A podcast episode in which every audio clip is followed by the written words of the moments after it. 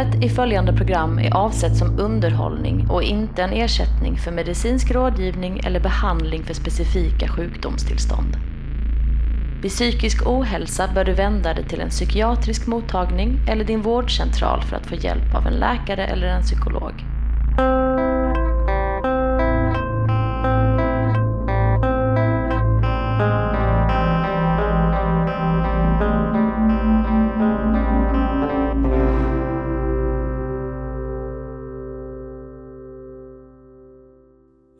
Johan, eh, hur mår du?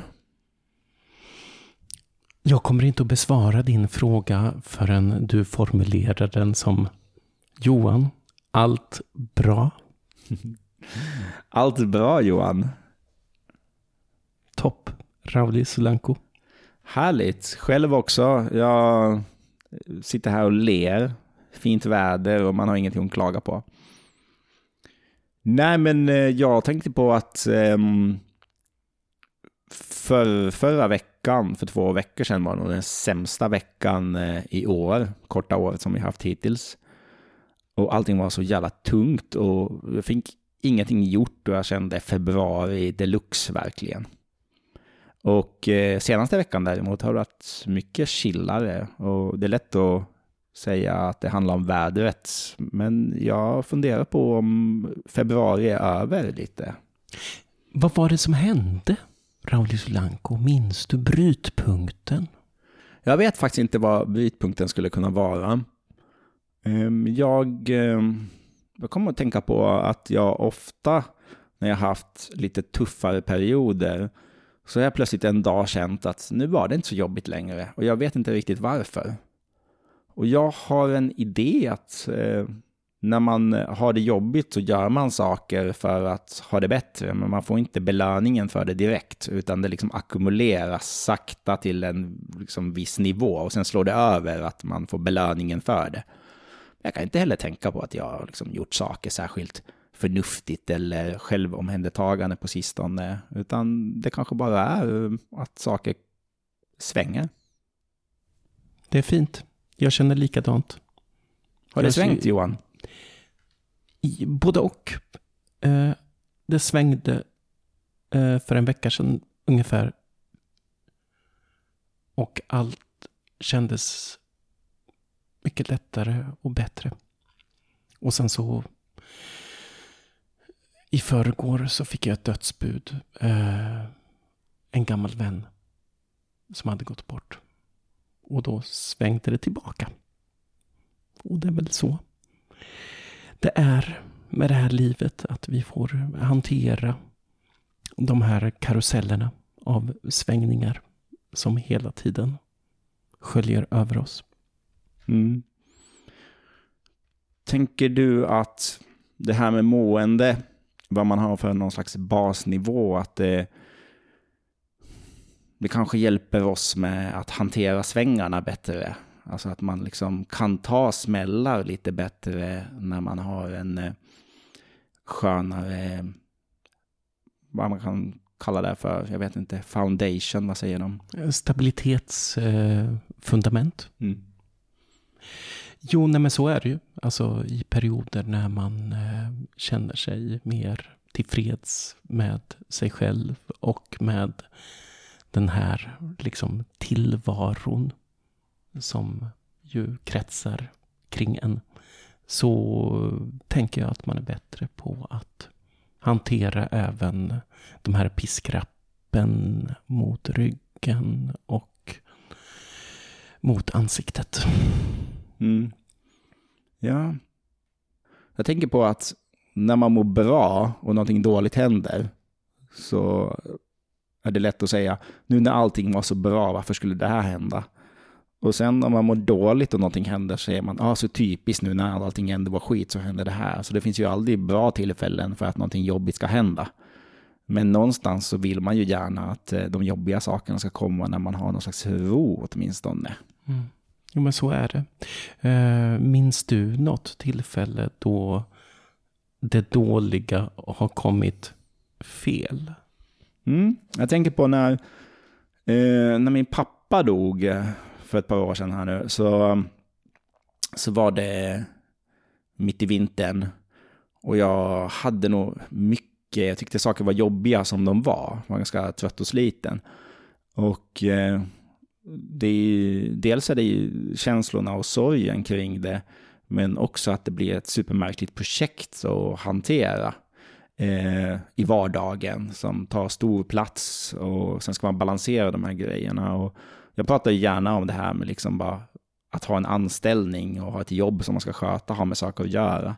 Men de här absurda grejerna när man ska mm, prata med sin chef om, eh, är det okej okay att jag mm, åker på begravning och eh, hur ska vi hantera det här? Så man börjar liksom dela om, om man måste använda semesterdagar eller inte för att ta itu med någonting som liksom en basgrej, superviktig sak i ens liv. Och det blir man ju ledsen av att behöva göra. Var du inne i eh, Malmö stads liksom elektroniska system och anmälde begravning? Ja, det fanns ju ingen sån knapp eller en sån rullgardinsmeny-alternativ som hette så. Men, ehm, men det är ändå det här, eh, jag vet inte, att att eh, allting blir administration i det. Blandat med någon slags eh, känslosoppa. Jag tycker alltid att det är det här med att när jobbiga saker händer på personlig plan i ens liv. Så många människor vet ju inte riktigt vad de ska göra, hur de ska hantera det, hur nära ska de vara en. Och jag kan ju känna samma sak gentemot andra. Eh, lite sådär som när du kom hit idag och sa att din vän hade precis dött. Så liksom, ja men vilken nivå lägger man det på? Och så egentligen tycker jag att man ska slappna av och fråga det man vill fråga och säga det man vill säga.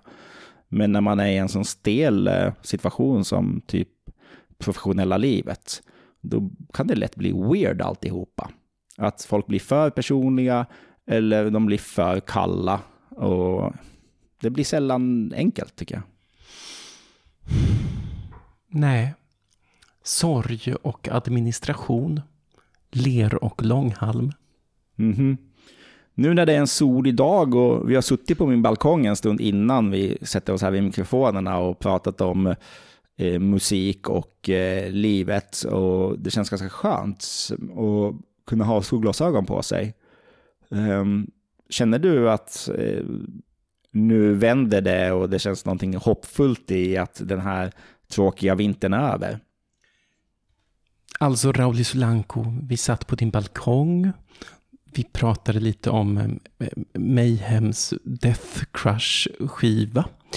Ehm, du eh, såg så fin ut i det här eftermiddagssolljuset. Jag såg varenda pormask på din näsa och jag kände att Gud vad jag tycker om dig. Hur känner du nu när vi satt på balkongen? Du såg så avslappnad och harmonisk ut i dina bruna små pojkögon. Nej, jag är på gott humör. Eh, tycker det är ashärligt med sol. Eh, tycker det är jätteskönt att jag haft sådär ganska stillsamma dagar som eh, jag har att göra, men det känns ostressigt, det känns skönt och den känslan har jag inte haft på det här sättet på ett tag.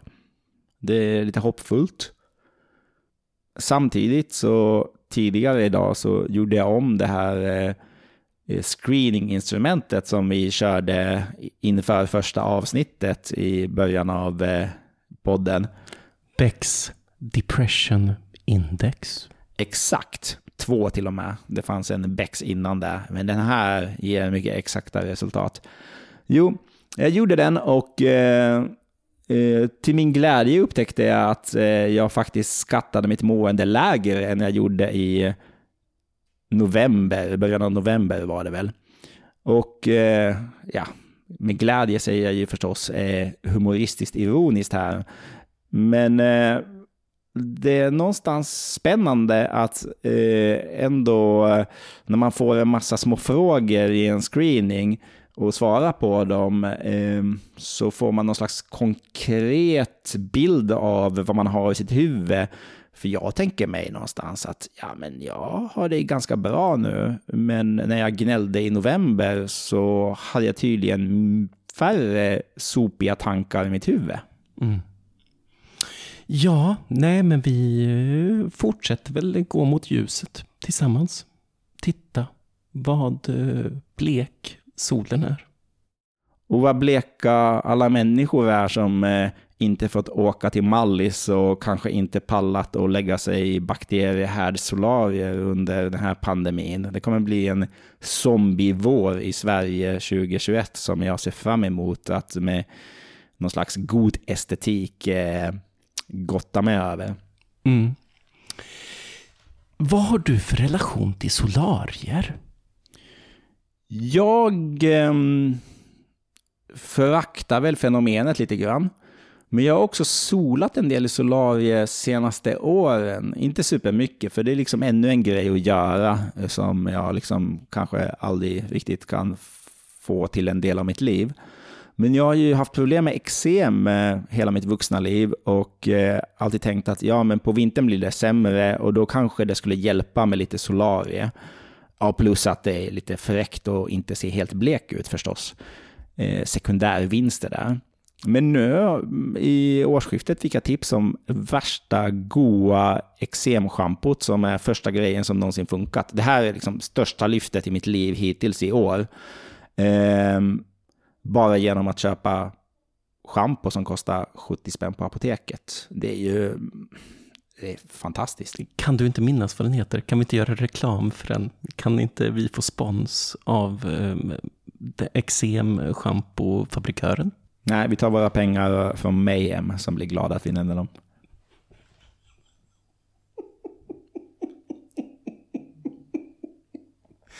Det gör vi. Vi har ju pratat en hel del om det här med att det kan kännas jobbigt när andra kommer med kanske tips om vad man ska göra när man mår dåligt. Eh, att det är lätt att eh, vara den här deppo-personen som blir kränkt av andras hurtighet. Och där har jag ju rageat en del eh, ganska ofta när vi har pratat om det här med vinterdepp. Eller depp generellt.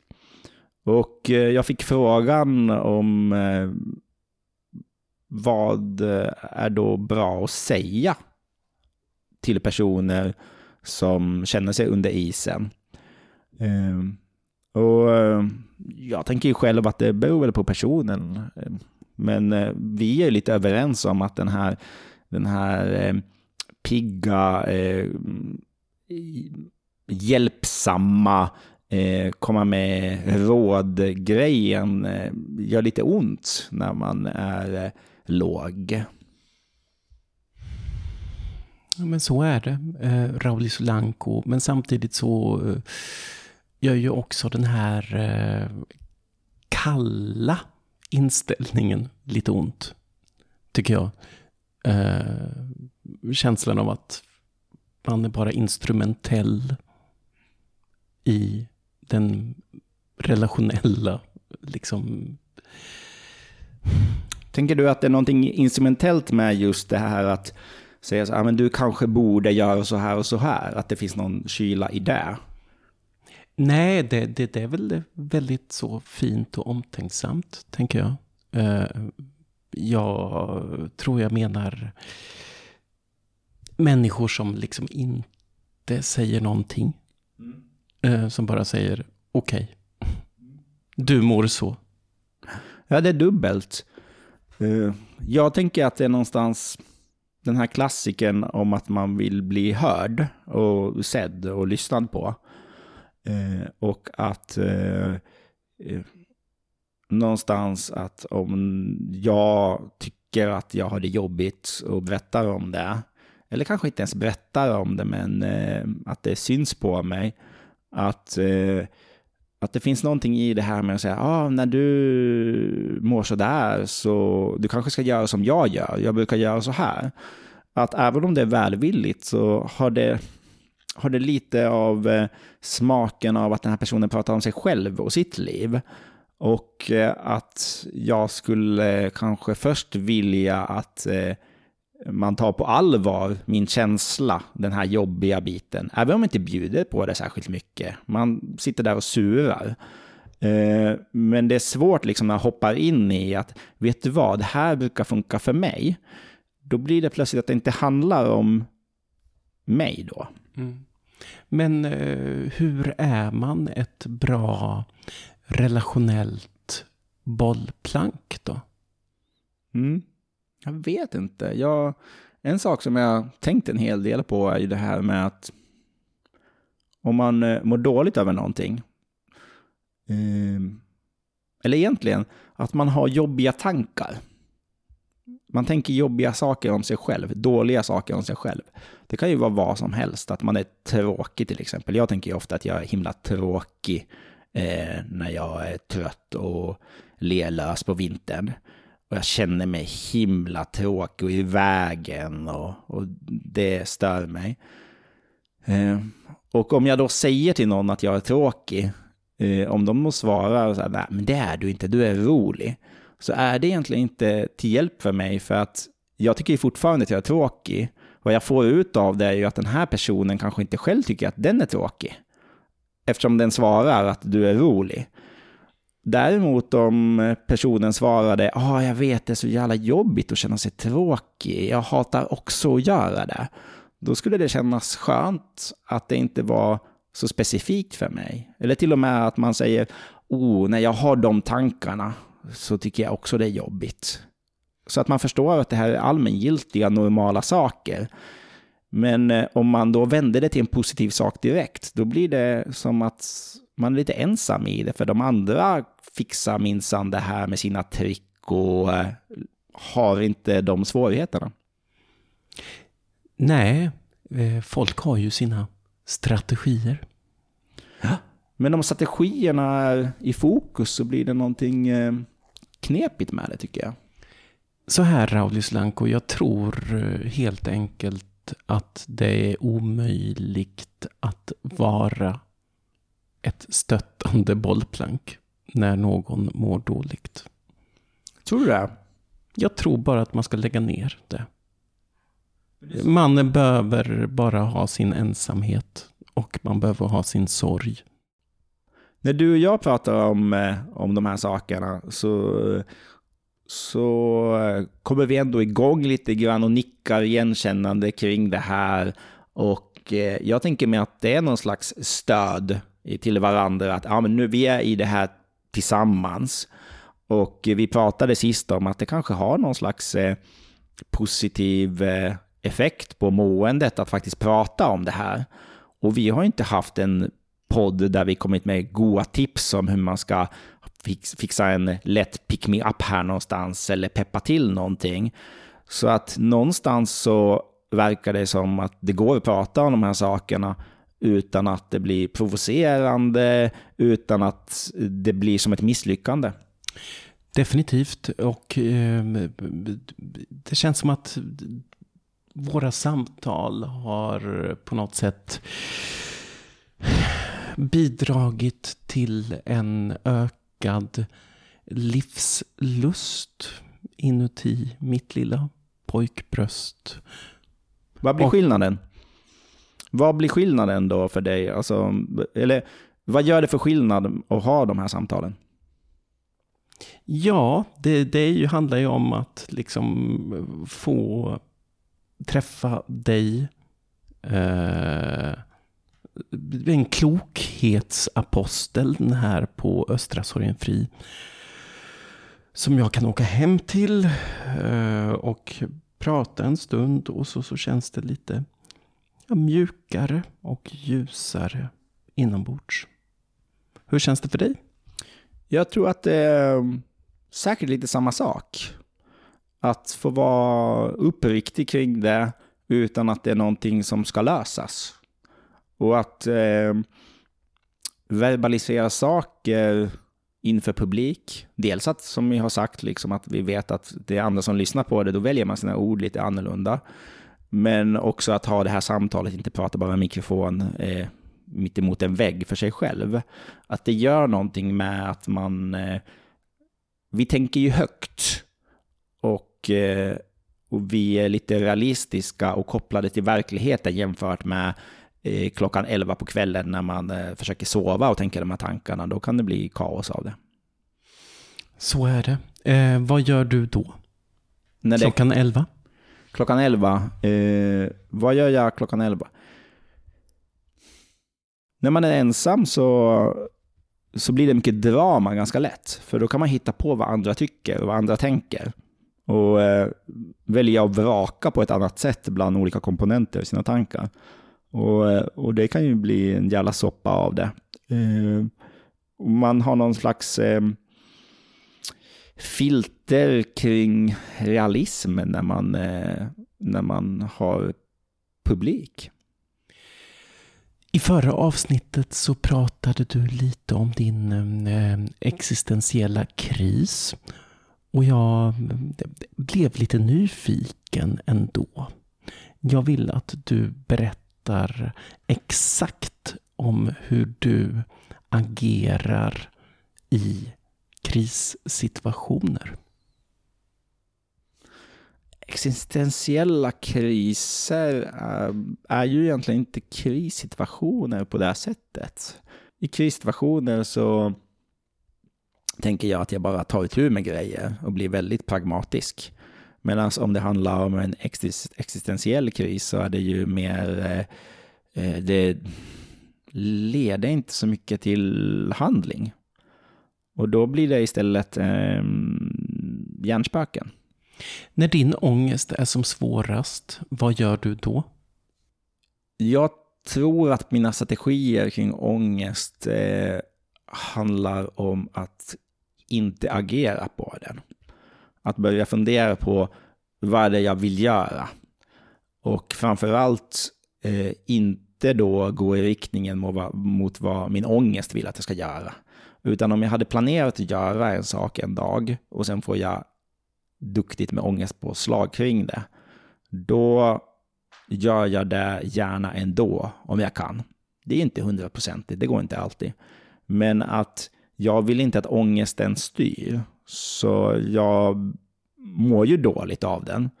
Men jag vill inte att konsekvenserna av den ska bli att jag gör andra saker. Men den kan passivisera mig och få mig att dissociera. Och då kommer jag av banan en del. Men eh, en bra strategi för mig är att eh, ta min jävla ångest och göra det jag hade tänkt att göra. Eh, och eh, göra någonting kul och tycka illa om situationen. Medelst handlingskraftighet motar du depressionen i grind. Mm. Men hur gör du då Johan, om du får duktigt med ångestpåslag? Ja, jag har inte så himla många strategier sådär. Ehm, Jag blir lite så pacificerad som du säger. Ehm, Jag stänger in mig. Dricker vin. Och lyssnar på gamla demos på YouTube. Ja. Eh, skulle du vilja ha sällskap i det? Alltså om någon kommer och knackar på din dörr, eh, är det drygt då? Eller? För det, det finns någonting ensamt i det. Ja, jag hade jättegärna velat ha sällskap i det. Eh, Men jag vet inte hur man gör som medmänniska. Precis exakt vad vi pratar om just nu. Men min dröm är ju att eh, bli sedd och kramad på ett sätt som känns skönt. Men det är en ganska så svår, svårnavigerad ocean att liksom styra sin skuta i. Mm. Jag tror att jag inte är helt olik dig där. Att jag, jag drar mig undan och jag ska vara min egen ö.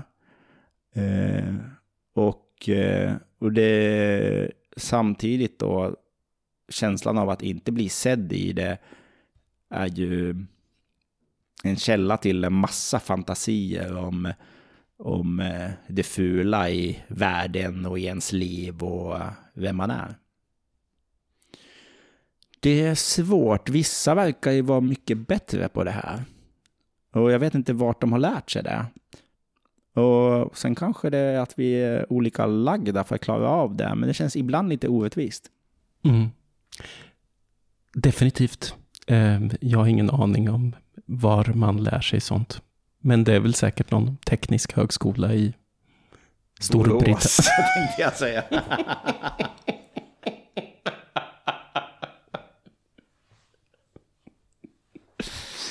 I Storborås.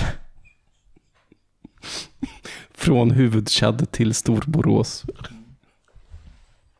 Det ska mina memoarer heta. Vi har ju tidigare pratat om det här med att pessimister eh, är mer realistiska i sina förväntningar på verkligheten än vad optimister är. Och det finns en sak till där som jag tycker är intressant. Det är det här med att eh, när man mår dåligt och kanske lite oja sig existentiellt kring saker, då vill man liksom lösa de här sakerna. Hur ska jag få mitt liv att bli meningsfullt? Vad behöver jag för att det ska vara värt att leva? Och sen så mår man bättre och då skiter man ju helt och hållet i det. Man tänker så här, fan vad gött vi har det och vad nöjd jag är. Och då sitter man inte och filosoferar kring hur ska jag behålla det här och nu ska jag haka mig fast vid det här. Utan då är man så jävla nöjd och, och om någon frågar en så här, vad tycker du är meningen med livet då? Jag vet inte, skiter väl jag i, jag är nöjd. Och det är någonting i det där som jag tycker är knepigt också. Att, eh, att när man mår dåligt så känns den här optimismen lite ihålig och lite som att man luras. Så den känns attraktiv för man vill slippa eh, ha det jobbigt. Men det känns också som någonting drygt för att de här viktiga frågorna som man tacklar och jobbar med, de, eh, de kommer ju försvinna om jag mår bra. Och det här tycker jag är ett konstigt fenomen, att, att livet känns viktigare när man mår sämre. Och samtidigt vill man ju må bättre och känna att livet inte är viktigt, utan att det är självklart. Ja, jag eh, kan bara hålla med dig eh, i mina glada och positiva perioder. Så känner jag att jag liksom skuffar undan någonting. Att jag liksom så eh, tränger in en älskarinna i en överfull walk-in closet. Eh, när jag i själva verket bara vill jag vill ha en balans. Jag vill på något sätt må som jag mår och samtidigt ha det bra. Men det går inte. Nej Johan, man kan inte få allt. Och där är vi någonstans lite det här som vi precis pratade om, att de här glada optimisterna eh, känns också som en dålig målbild när man mår dåligt. Och det är lite kopplat till det just det här när, när någon från det hållet kommer och ska hjälpa en i ens eh, dåliga tankar. Eh, att de här personerna som är där känns inte trovärdiga. Och också att det finns en idé om att en sorts självbedrägeri är sunt. Och det är inkonsekvent. Jag tänker mig mycket kring att personer som eh, exempelvis tar droger för att må bra, då är det ju nej, nej, för det är inte på riktigt och, och det, är ju, det är ju fusk, det är en genväg. Däremot så eh, älskar vi ju förälskelser i vårt samhälle tycker jag. Så fort någon har träffat någon och verkligen liksom tappat greppet om, om eh, hur saker funkar egentligen i vardagen. Då är alla där och applåderar och jublar. Gud vad härligt! Och du, eh, du har träffat en person som du inte överhuvudtaget känner och ni ska flytta ihop. Så mysigt. Och eh, alla vet ju att man tar superdåliga beslut när man är där, precis som man skulle göra på droger. Men den biten är ändå någonting som vi applåderar lite grann. Ja, nej men alltså det finns ju en, en hierarkisk dimension i de här dopaminrusen som liksom är statligt subventionerat på något sätt och ehm, normativt eh, subventionerat. Eh, dopaminrus som dopaminrus, säger Johan Olsson.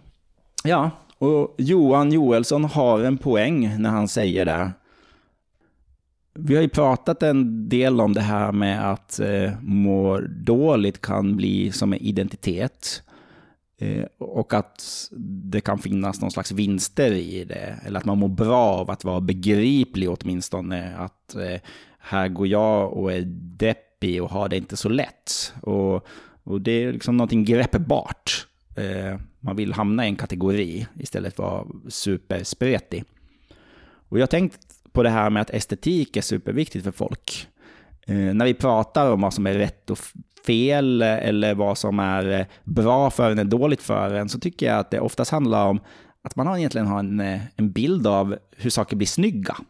Och lite också det här när folk kommer med idéer om så här, men så här skulle du kunna göra för att ditt liv skulle bli bättre, så tycker jag ofta de beskriver hur deras liv är. Alltså att de uppskattar den estetiken, de vill klä på en samma kläder som de själva har på sig, de som de tycker är snygga.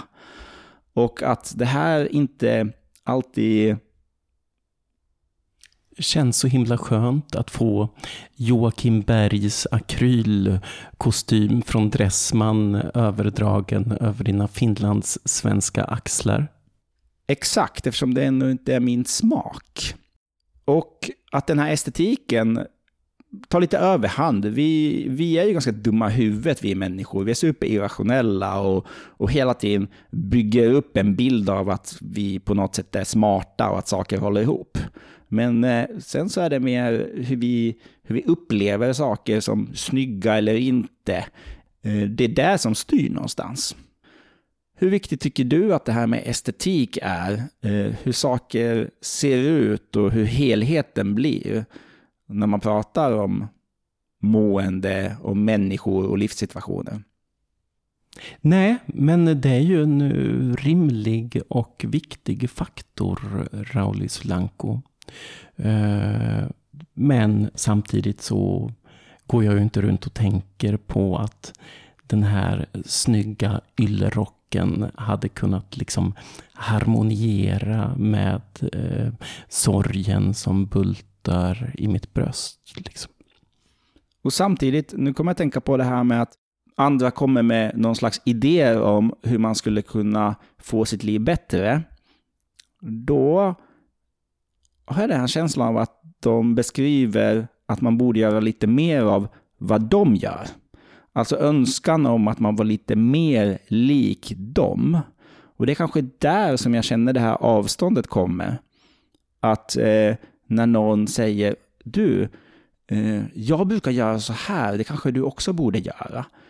Att jag inte blir lyssnad på där. Och om de istället sa, shit, jag brukar göra precis som du. Undrar vad vi borde göra annorlunda. Skulle nog kanske öppna upp mer för att jag skulle lyssna. Ja, så tror jag det är. Men det handlar ju om politik, som precis allting gör. Det finns ju en känslopolitik kring ett liksom så spralligt eh, reflexvästbetonat mående som premieras i det här jävla skit skitlandet. Och det är ju ändå skönt att känna att problemet är skitlandet och inte vi. Ja, nej men så är det Rauli Solanko och det hör väl till eh, när vi bor i det här kungariket Sverige, tänker jag. Men jag tänker att vi får göra det bästa. Jag sträcker ut eh, min hand mot din exemfria och mjuka pojkhand. Jag tittar dig in i dina vackra ögon och jag tänker att vi tillsammans kan skapa någonting bra och varmt mellanmänskligt.